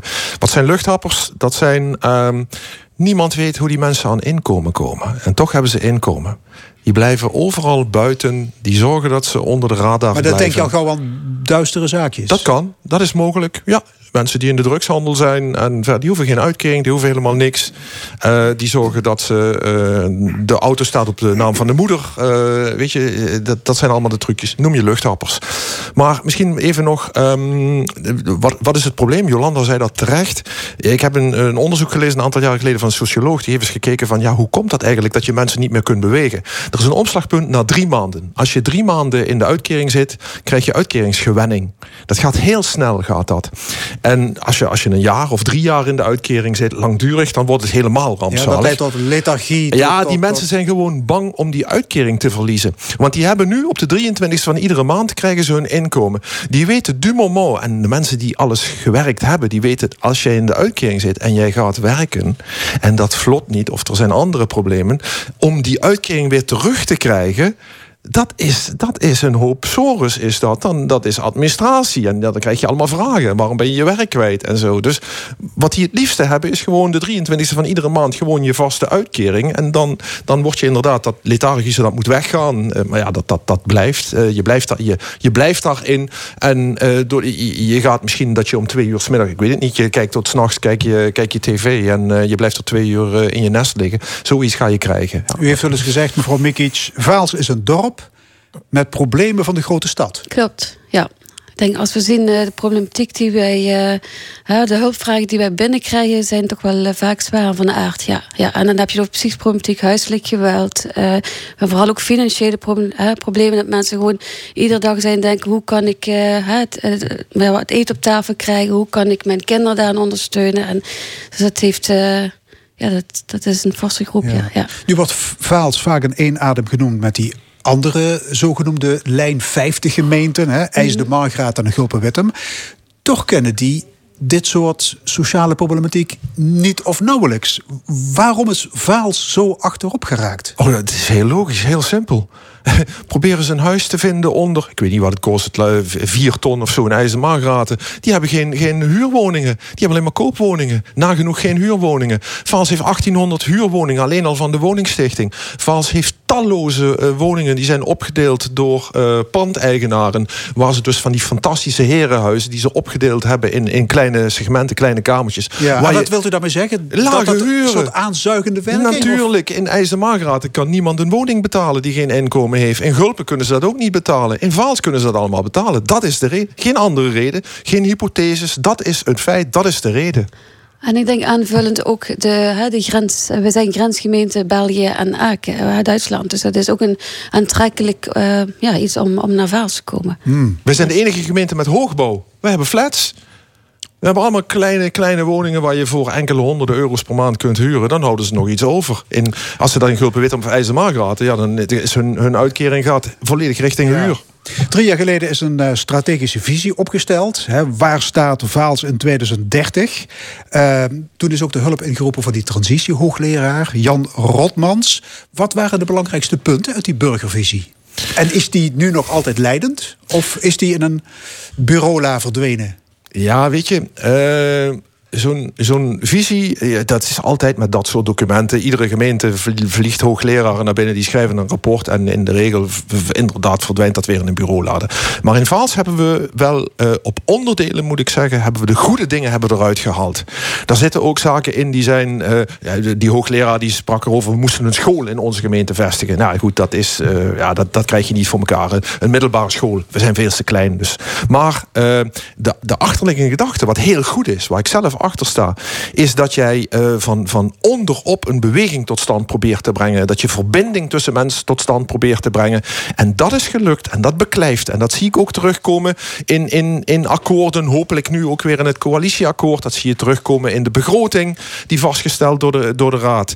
Ehm, je ziet mensen daar ook echt in meegaan. We hebben eh, van onderop, de, de, de, weet ik wat, de, ehm, er wordt gedacht aan, ja, door corona heeft veel kapot gemaakt. Maar de kerstdroom was een, was een project dat van onderop zou moeten ontstaan. Dus Gaat die, misschien die, nog die gebeuren. visie heeft gezorgd voor verbinding. Dat er zijn mensen, we hebben ook een, we hebben Vals Verbind. ja. Daar zitten een aantal heel interessante mensen bij. Met heel interessante projecten. Die echt iets van de grond proberen te krijgen. Die, die zorgen dat mensen geenthousiasmeerd raken. Dat, dat heeft het wel opgeleverd. Goed, weinig eh, arbeidsdeelname, zeiden we net. Eh, dat betekent armoede. Enig idee hoeveel Vaalsenaren op of onder het bestaansminimum leven? Mevrouw Mikic, beweegmakelaar. Ehm, ja, dat zijn natuurlijk wel de cijfers voor, maar ik heb die niet uit mijn hoofd. Maar ik denk zo eh, een derde zeker. Als ik. ehm, eh, als je die hele bevolking bekijkt, en dat is nou, ja, Compie ook net zei, het is niet alleen de mensen in de bijstand, maar ook vooral de oudere mensen hè, die alleen een AOW'tje hebben. En gezien hè, de huurprijzen die omhoog gaan, de energieprijzen, die mensen hebben ook vaak niets over om nog maar iets extra's te doen. En er zullen ook veel kinderen opgroeien in, in armoede. Juist, Heeft ja. armoedebestrijding topprioriteit? Ja, Ja. dat staat eh, hoog in het Ja, ja, ja, ja, ja. Alle programma's, alle, alle, iedereen heeft dat ook in zijn programma staan. Ehm, maar ja, dat is nogmaals eh, heel moeilijk. Eh, Er is een verschil tussen armoedebestrijding en armoedebeleid. Als je armoede echt wil bestrijden, dan moet je gewoon die inkomstenkant verhogen. En dat is natuurlijk niet aan de gemeente. Ja, dan moet je bij, de, bij het Rijk zijn. Ja. Er straks al. m, Hè, omhoog met dat minimumloon, Zeker. met de uitkering. We hebben zelfs een minister van armoede tegenwoordig. Ja. Ja, maar helaas is dat de minister voor armoedebeleid. In België hebben ze een minister voor armoedebestrijding. Wat is het verschil? Daar zit een nuance in. De ene moet armoede bestrijden, Ja. de ander moet beleid maken. Dan krijg je, wat doen wij Komt in dat niet op hetzelfde neer? Ach nee, wij, wij, maken, wij schrijven ons rot aan beleid. Eh, we maken een beleidsnotitie. Eh, die, wordt dan, die moet geïmplementeerd worden. Na een jaar of anderhalf jaar wordt die geëvalueerd. Na twee jaar wordt die bijgesteld. En na drie jaar wordt die in de prullenbak gegooid. Want hij functioneerde toch niet. En je krijgt weer een nieuw beleid. Dus die ambtenaren vinden het allemaal hartstikke geweldig. En die bestuurders ook. Want ze, blijven, eh, ze hebben werk om handen. Je moet armoede bestrijden. Dat is eh, veel activistischer. Jullie hebben sinds vier jaar een ruilwinkel Jolanda Mikic. U bent er vanaf het begin bij betrokken. Uh, wat is het idee achter die ruilwinkel? Het idee is ontstaan vanuit een project Kansen voor alle kinderen voor vaals. En hebben we samen met gezinnen gekeken van, goh, wat, wat zouden jullie nodig hebben dat het goed gaat met jullie? En dan kwam eigenlijk, wij, wij dachten, goh, hè, mensen zijn inderdaad blij met een stukje meer financiële middelen. Maar er kwam eigenlijk uit dat mensen vooral, hadden twee, vooral twee punten. Een mooie leef, leefomgeving, maar vooral ook een stukje ontmoeting. Elkaar kunnen helpen. Ja, hoe, hoe werkt het? Ehm, de ruilwinkel is een winkel waar mensen gewoon met spullen uh, kunnen brengen en daar punten voor krijgen. En dan ook de, daar met die punten weer kunnen inzetten. En bijvoorbeeld daar kleding kunnen halen of uh, keukenspullen. Wat je ook maar speelgoed, alles wat, wat, je, wat je nodig zou hebben. Dus er komt geen geld op te pas? Helemaal niet. Het is, het is ruil voor ruil. Een soort, soort ruil-kringloopwinkel? Ja, maar ik denk dat de essentie vooral ligt op het stukje ontmoeting en een werkervaringsplek bieden. Mensen weer de, de, ja, de gelegenheid geven om um, sociale contacten op te doen om er weer te mogen zijn. Heel laagdrempelig. En ik denk dat we wel mogen zeggen dat het een groot succes is als je ziet hoeveel leden dat we ja, hebben. Ja, want je moet, je moet lid worden. Je moet lid hoeveel, worden. hoeveel leden hebben jullie? Uh, als aan mijn hoofd zit er op de duizend, nou zeker. 1300. 1300, ja. ja. En hoeveel vrijwilligers? Uh, gemiddeld 35 vrijwilligers. Dus het loopt als een tierenlier? Ja. Tierenlier, ja. ja. ja. ja. Helaas. Moet je misschien zeggen. Nou, dat is niet helemaal. Nee. Dat is niet, is niet, het heeft eigenlijk het heeft niets en alles met Ja. armoede te maken. Niets, omdat er zijn ook veel mensen, dus ongeacht je inkomen, kun jij eh, in die vereniging zitten, die 13, onderdeel uitmaken van die 1300 leden. Als jij gewoon eh, thuis eh, overcomplete spullen hebt en die zijn, die zijn leuk, hè, die zijn wat waard van waarde, dan kun je die brengen, ongeacht je inkomen. En ja, er zijn mensen die. en voor, voor de mensen die het nodig hebben, die financieel moeilijk zitten, die kunnen er ook nog eens van profiteren. Weet je, maar het is voor iedereen. Ja. Goed, Vaals heeft een strategisch plan, een ruilwinkel, een financiële werkplaats, aanwas van Duitse studenten, drie landenpunt ook nog. Hoe kan, hoe kan Vaals verder worden gerevitaliseerd? Het is een, eh, het is een continu proces. Uh, wij zijn daar eh, continu mee bezig. Maar wat we nu op dit ogenblik willen doen, waar ik heel veel van verwacht, is een, een, een kanteling, een, eh, een transitie. En die heeft Dat heeft u van Jan Rolpmans, kanteling, transitie. Ja, ja oké. Maar goed, ga door, van- ga maar wat wij, ja, ja, we hebben dat van Jan Rosmans. Wat wij willen, en dat is heel belangrijk, wij willen ehm, die, eh, die, die, die eh, woningmix die wij hebben, die willen wij veranderen. Dat betekent, wij willen af van die eh, lage eh, huurprijzen, die slechte woningen. En wij willen eh, zorgen, wij willen bouwen. Eh, in een hoger eh, segment. We willen doorstroom op gang brengen. En wij proberen op die manier natuurlijk eh, dat wij ehm, zeg maar, Maar is dat om, om, om het een beetje oneerbiedig te zeggen, om af te komen van die armoedzaaiers? Ja, dat is. Ja, ja dat, is, dat, dat klopt. Eh, maar het is eigenlijk om de, het gemiddelde in Vaals te veranderen. We hebben nou een heel hoog aantal mensen met een hele lage sociaal-economische status, zoals dat heet. En wij proberen dat omhoog te vijzelen. De Raad is daarmee akkoord. Hè. Dat is dus niet dat ik dat verzonnen heb. Daar heeft de Raad van gezegd van ja, we gaan dat doen. Eh, omdat dat de hele gemeente eigenlijk naar een hoger niveau moet gaan brengen. En dat klopt. Dus wij willen het liefste af van eh, alle flats die wij hebben. En, eh, en ervoor zorgen dat we ja, iets, iets betere woningvoorraad krijgen. Oké, uw partij lokaal is, is nu de zesde partij. Ik vrees dat de kans klein is dat u weer wethouder wordt, hè? Ja. Of ziet u dat anders? Eh, eh, ik, eh, met- in Vaals zeggen wij, vrouw die snit op onjelade eier. Eh, moet ik dat vertalen? In, ja, zeker. Eh, nou ja, eh, de- de- er is iets met een beer en de huid en geschoten. Oké, dat snappen we. Maar, eh, maar eh, ja, goed, het, het is nog niet. eh, we zitten nou in, in die fase en wacht maar eens even af. We wachten af. Hartelijk dank, wethouder Jean-Paul Compier en ambtenaar Jolanda Mikic van Vaals. Dankjewel. Dankjewel.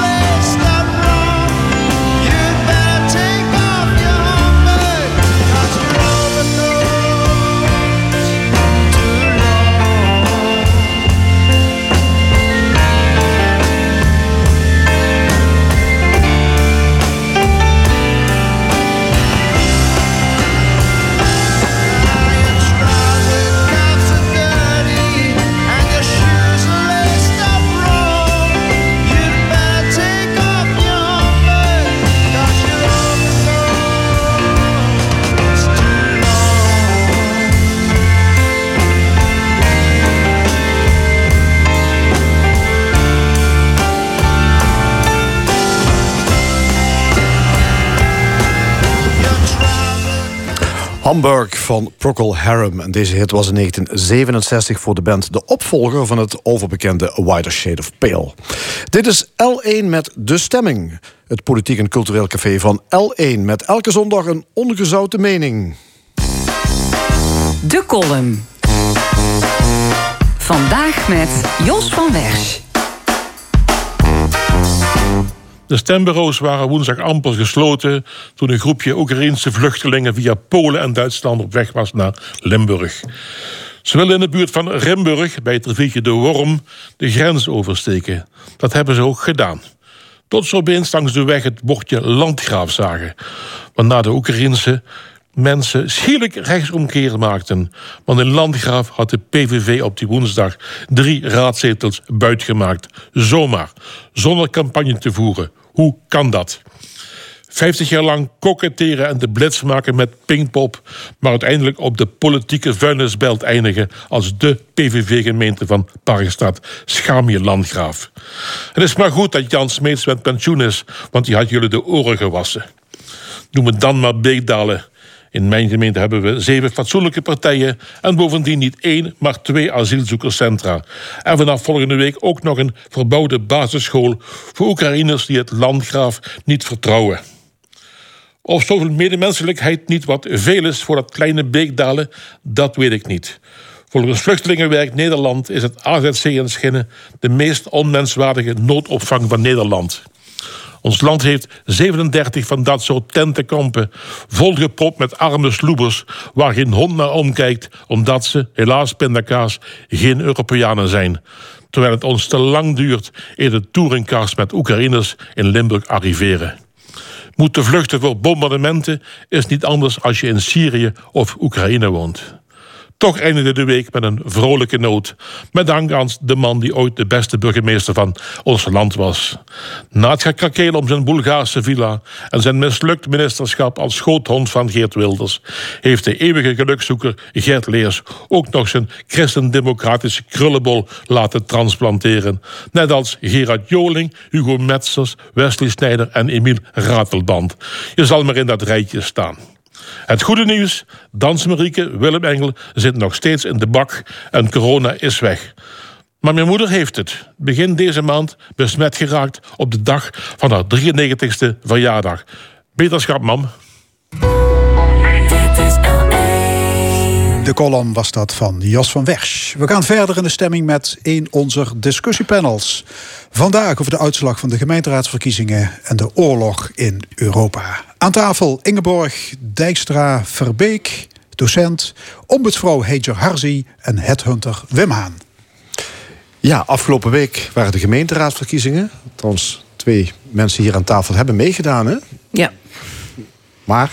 Maar uh, niet gehaald, wel Nee. een zetel behouden. Ja, Ingeborg? Je... Nee, onze partij heeft het ook niet gered, maar eh 16 anderen wel in Maastricht. Dus eh, ChristenUnie, hè? dat? ChristenUnie Ja, wa- geen zetel. geen zetel, nee. nee. Wat opviel waren de, de, natuurlijk is de lage opkomst. Ehm, historisch laag. In Limburg ging nog niet eens de helft van de kiezers stemmen. Landelijk was het ietsjes meer dan 50 procent. Ja, waarom neemt één op de twee kiezers niet meer de moeite om naar de stembus te gaan? Ja. Ik, ik, ik vind dat ontzettend interessant om eens goed te analyseren.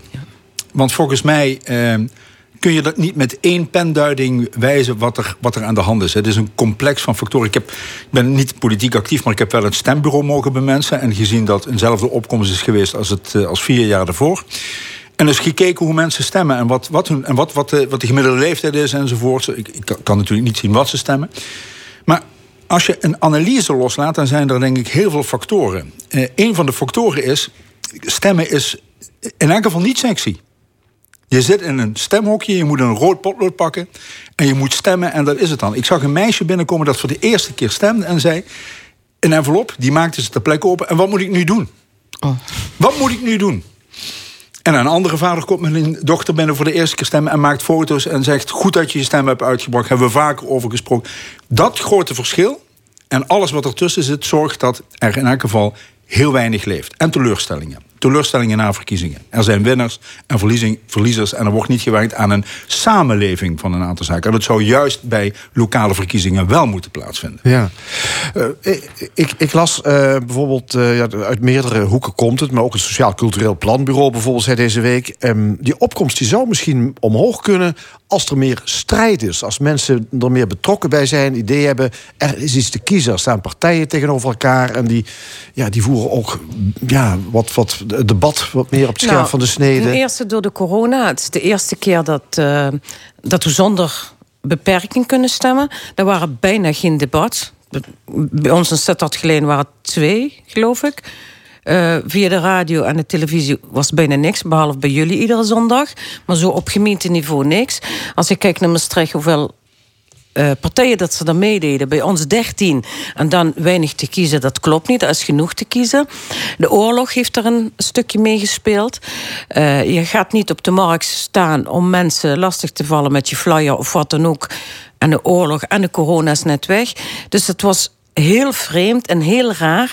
Maar inderdaad, de media heeft weinig aandacht aan gegeven. Maar het gemeente zelf ook. Er was, zo- enige, er was enige schroom, begrijp ik, bij Ja. kandidaten om campagne te, Te voeren. voeren. Bij Ja? ons niet Nou, zeker, de laatste, zeker de laatste weken wel, eh, sinds de oorlog begonnen is. We hadden een aantal ludieke, vrij grootse acties gepland eh, op 5 en 12 maart. hè, de twee zaterdagen voor de verkiezingen. En die hebben we laten gaan. Dat is gewoon niet passend. Maar ik denk niet dat dat, dat het aan zich ehm, eh, mee heeft gespeeld voor de lage opkomst. Ik eh, erken wat, eh, wat Wim en jij ook zeggen van... er is gewoon weinig interesse, dus betrokkenheid. Of je die nou met name met strijd moet... eh, strijd is natuurlijk wel zeg maar, eh, interessant voor een kijker... maar ik vond dat vanuit de gemeente ook veel meer had kunnen gebeuren. We hebben in coronatijd moeten campagne voeren... maar wat wij vooral terugkregen... en dat is natuurlijk omdat je deel uitmaakt van een landelijke partij... en dat is ook geen verrassing dat het wantrouwen richting politiek in zich heel... nou, dat is er niet beter... of het, het vertrouwen is er niet beter op geworden. Het wantrouwen is toegenomen, bedoel ik te zeggen. En dat we heel vaak gewoon ook eh, ja, daar frustratie eh, geuit over kregen... als we op de markt stonden of op het Ons Lieve Vrouwenplein... zo van, en die kindertoeslagaffaire... en ze doen ook allemaal, en die Rutte... en, en, eh, begrijpelijk, hè, maar ik denk dat dat daarbij... ehm, zeker voor landelijke partijen heeft, niet heeft bijgedragen aan, ehm, aan populariteit. En dat is ook statistisch ge- gezien... dat de lokalen het met name goed hebben gedaan. Ja, maar dat is opmerkelijk, want het zijn landelijke onderwerpen... waar je dan dus als lokale afdeling op afgerekend Zeker, wordt. Het dat- gaat niet over de gemeenteraad. Dat bedoel En daarin eh, zouden mensen van, van jonger, eh, van 18 eh, tot, eh, tot ouder, mogen ja, eh, bijgespijkerd worden om te laten zien dat wij hier in Maastricht niets met de kindertoeslagenaffaire van doen hebben gehad. Of het coronatoegangsbewijs. Met al, en dat dat gewoon problemen zijn die wij ook heel ingewikkeld vinden. Dat heb ik in een debat Ah. ook wel proberen uit te leggen in ieder geval. Als je, als, je een analyse, als je analyse maakt, links en rechts, en die is heel lastig te maken, dan zie je dat bij de ene kant een CDA ergens wel wint in een gemeente. Eh, de P van de A wint dan ergens in Amsterdam. Eh, jongeren eh, trekken opeens iets meer. Barendrecht wordt vaker genoemd als gemeente waar een fatsoenlijke opkomst is en een nieuwe partij veel stemmen wint. En ga je analyseren wat er dan is, dan hebben ze niet de gouden sleutel. Maar dan zie je dat het wel iets is dat men actief is geweest, zichtbaar is geweest, merkbaar en meetbaar Zeker, is geweest in de afgelopen vier jaar. Barendrecht zegt zelf, wij starten nu al met een nieuwe campagne voor over vier jaar. En niet ergens dan in de laatste weken wat dat betreft. Eh, maar wa- wat er dan vervolgens plaatsvindt is dat iedereen, en dat hoorde ik toen straks ook, wel een beetje met, een- met, met het verlies als winst aan de haal gaat. En dat, dat vind ik ongeloofwaardig. Er is nog nergens een partij die zegt, wij likken onze wonden. Eh, ik, ik begrijp nog altijd niet waarom een SP zo enorm slecht scoort. Terwijl het activisten zijn, terwijl daar juist een modus voor te vinden is. Ja, maar, voor, maar voor- sorry, maar voor de SP was duidelijk wat is gebeurd bij de Staten. Als we kijken naar Sittard geleen, we hebben geen SP meer. En dan zeggen we, oh, P van de A heeft een zetel meer. Maar daar zitten allemaal mensen van de SP. GroenLinks heeft een, heeft een zetel meer. Daar zitten mensen van de SP. Dat, dat heeft daarmee gespeeld. Hè. De SP die was gewoon kapot gemaakt door eh, het Limburgse, door eh, Maastricht, zeg maar. En daardoor krijg je helemaal bijna geen afdelingen meer. En de ene naar de andere wordt gerwailleerd. En dan zitten ze, zo'n Marleen van Rijnsberg. Ik vind het hartstikke zonde dat ze niet meer actief is. Maar ze stemt wel GroenLinks. Ja, en is GroenLinks ook een, stem meer. Bastions als Os en Heerlen hebben ze zetels moeten inleveren. Ja, maar wat is daar ook in, in Gennep, met zelfs van drie, eh, zijn ze zelfs drie van de vier zetels kwijt.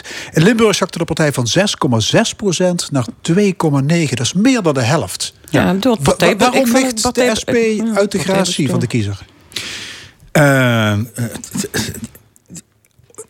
Ik zou het gewoon niet weten. Ik, ik, ik ben geen SP-stemmer. ik, eh, ik, ik probeer wel te kijken wat er in het politieke landschap is en waarvoor zij staan. En waarom je op de SP moest, moet kiezen of kan kiezen enzovoort. Waar zij nadrukkelijk voor staan. Uitermate sociaal bewogen. Dus wie gaat met hun stemmen?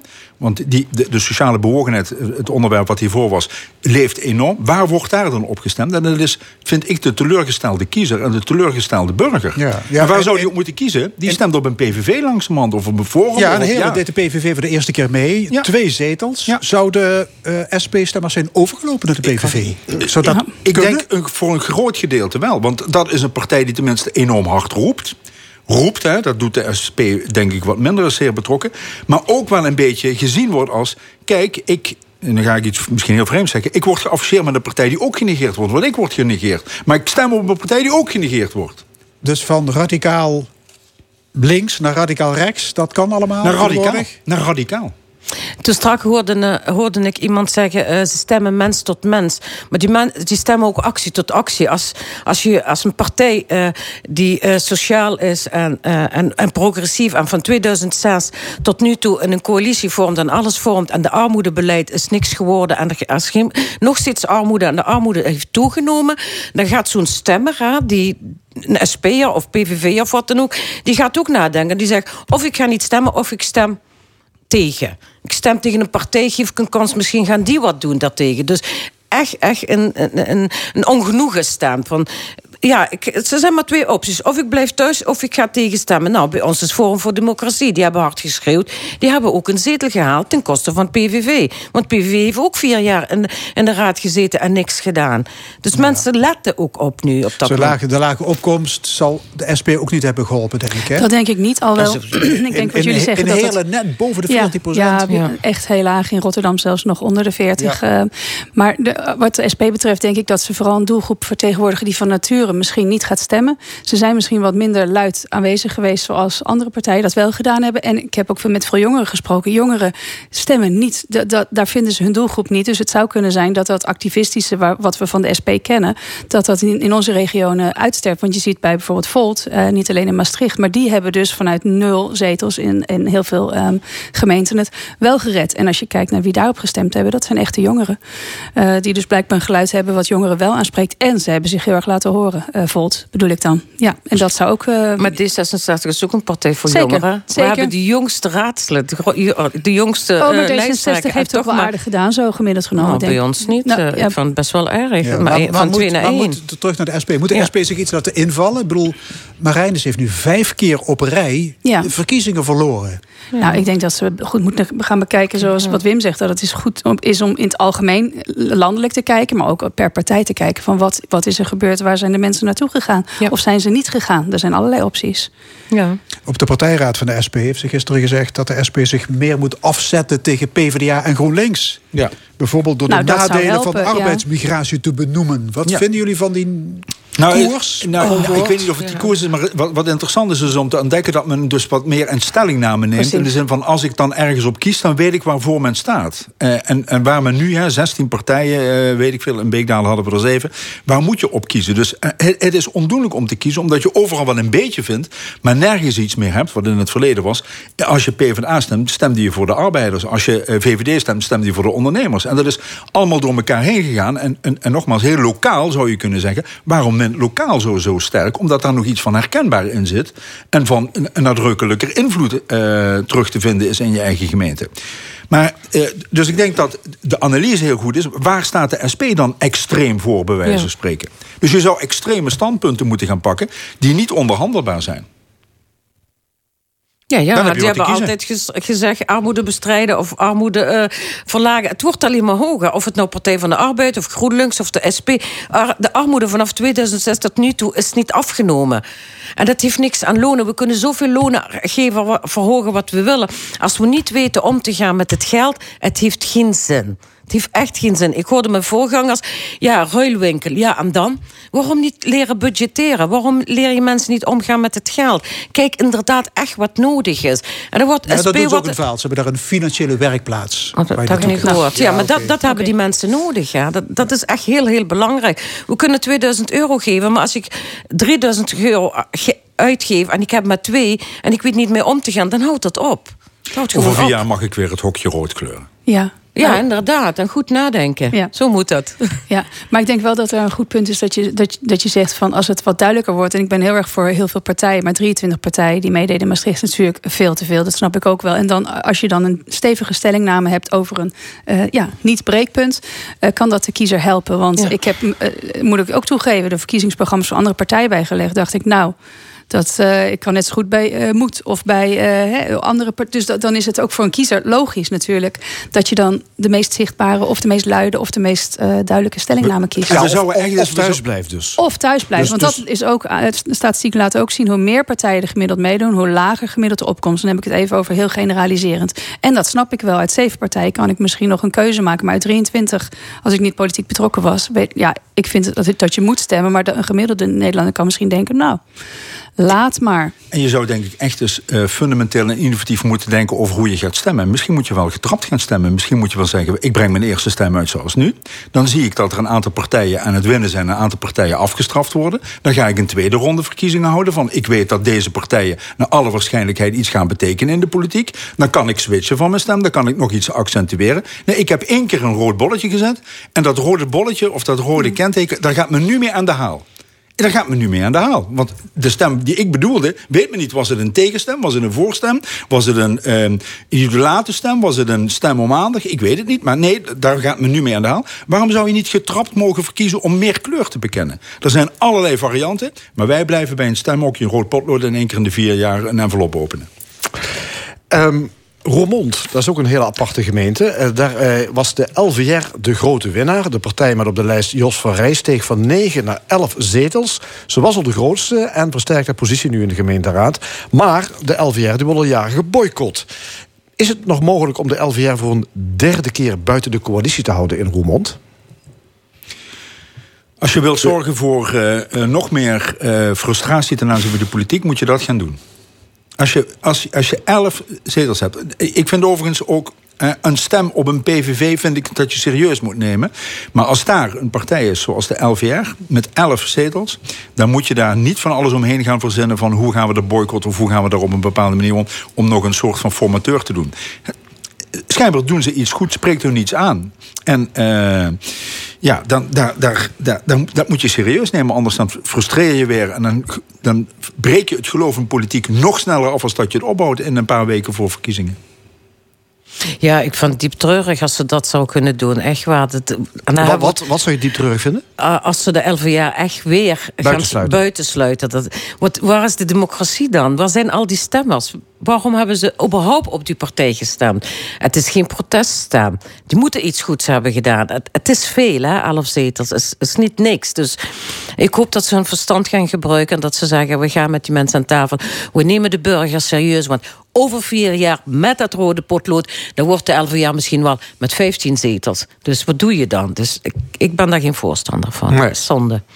Nee, ik- het lijkt me ook, ja, als die groei nu al eh, de derde keer zichtbaar is, hoe ingewikkeld het ook is, dat je, eh, het is gewoon de afspraak. De grootste partij gaat met, eh, als eerste met de formatie aan de slag. Dus dan, hoe ingewikkeld dat ook is, denk ik van moet je luisteren naar de stem van de burger, de kiezer, en daar eh, mee beginnen. Of dat gaat werken, dat is dan een tweede. Maar en als als- uitgangspunt zou ik het zeker, dat, Ja, dat nou, is het maar bestel. Goed, er was natuurlijk een reden dat eh, de LVR buiten de coalitie werd gehouden. Dat is eh, de persoon Jos van Rij, Snap ik. oud-wethouder. Die is veroordeeld voor eh, corruptie. Ehm, mag Jos van Rij dan ook wethouder worden weer als de LVR mee gaat regeren? Ga, gaan wij op de stoel van de rechter, maar dan moet de rechter zeggen: je mag geen politieke eh, functie meer eh, bekleden. Als hij daar niet veroordeeld voor is, dan wie zijn wij om te zeggen. Die periode is voorbij, hè? Die periode is Ja. voorbij. Nou, dan, dan mag hij nou gewoon als, van zijn recht genieten. Hij, hij is een gewone burger. En als je goed is voor Roermond als wethouder, waarom niet? En als echt de burger niet had gewild, had hij niet op hem gestemd. Dan hadden ze ook op andere partijen gestemd. Ja, Ja, Het gaat dus de stemmen op Van Rij en stemmen op de partij waar hij Ja. voor staat. Want er zijn wel meer corifeeën. Ja. Dan zou ik even naar Den Haag kijken, de MOS zelf Ja. eh, in een eh, fase. En, Bijvoorbeeld. to- en stap nu Ja. zelf even terug en zeg: het partijbelang is belangrijker dan mijn belang. Dus ik doe even voorlopig niet mee. Dat vind ik wijs. Dat, dat geeft weer wat vertrouwen in de politiek. Ja, Van Van Rij was lijstduwer, maar hij kreeg meer stemmen dan de lijsttrekker. Eh 756 voorkeurstemmen. Ja. Ja. Dus, dus dan... Ga je dat negeren dan? Ik vind dat, nee. Ik vind dat je er niet van mee aan de slag moet. Nou, ja, als, hij, als hij echt kleur bekent en dan zegt hij: Ik ben lijstduwer om die partij eh, naar, eh, naar voren te duwen. Maar dat betekent dat hij door laag op de lijst te staan ook wel een beetje moet afzien van een daadwerkelijke actieve rol in de politiek dan verder. Dat is, dat is hem. Anders had hij gewoon wel lijsttrekker moeten worden. Juist, ja. Ja. Eh, burgemeester Donders van Roermond die zegt... het is misschien verstandig om een externe formateur eh, in te vliegen. Ja, Ja. in tweede Ja. instantie, niet in eerste. Is dat een goede opmerking van een burgemeester?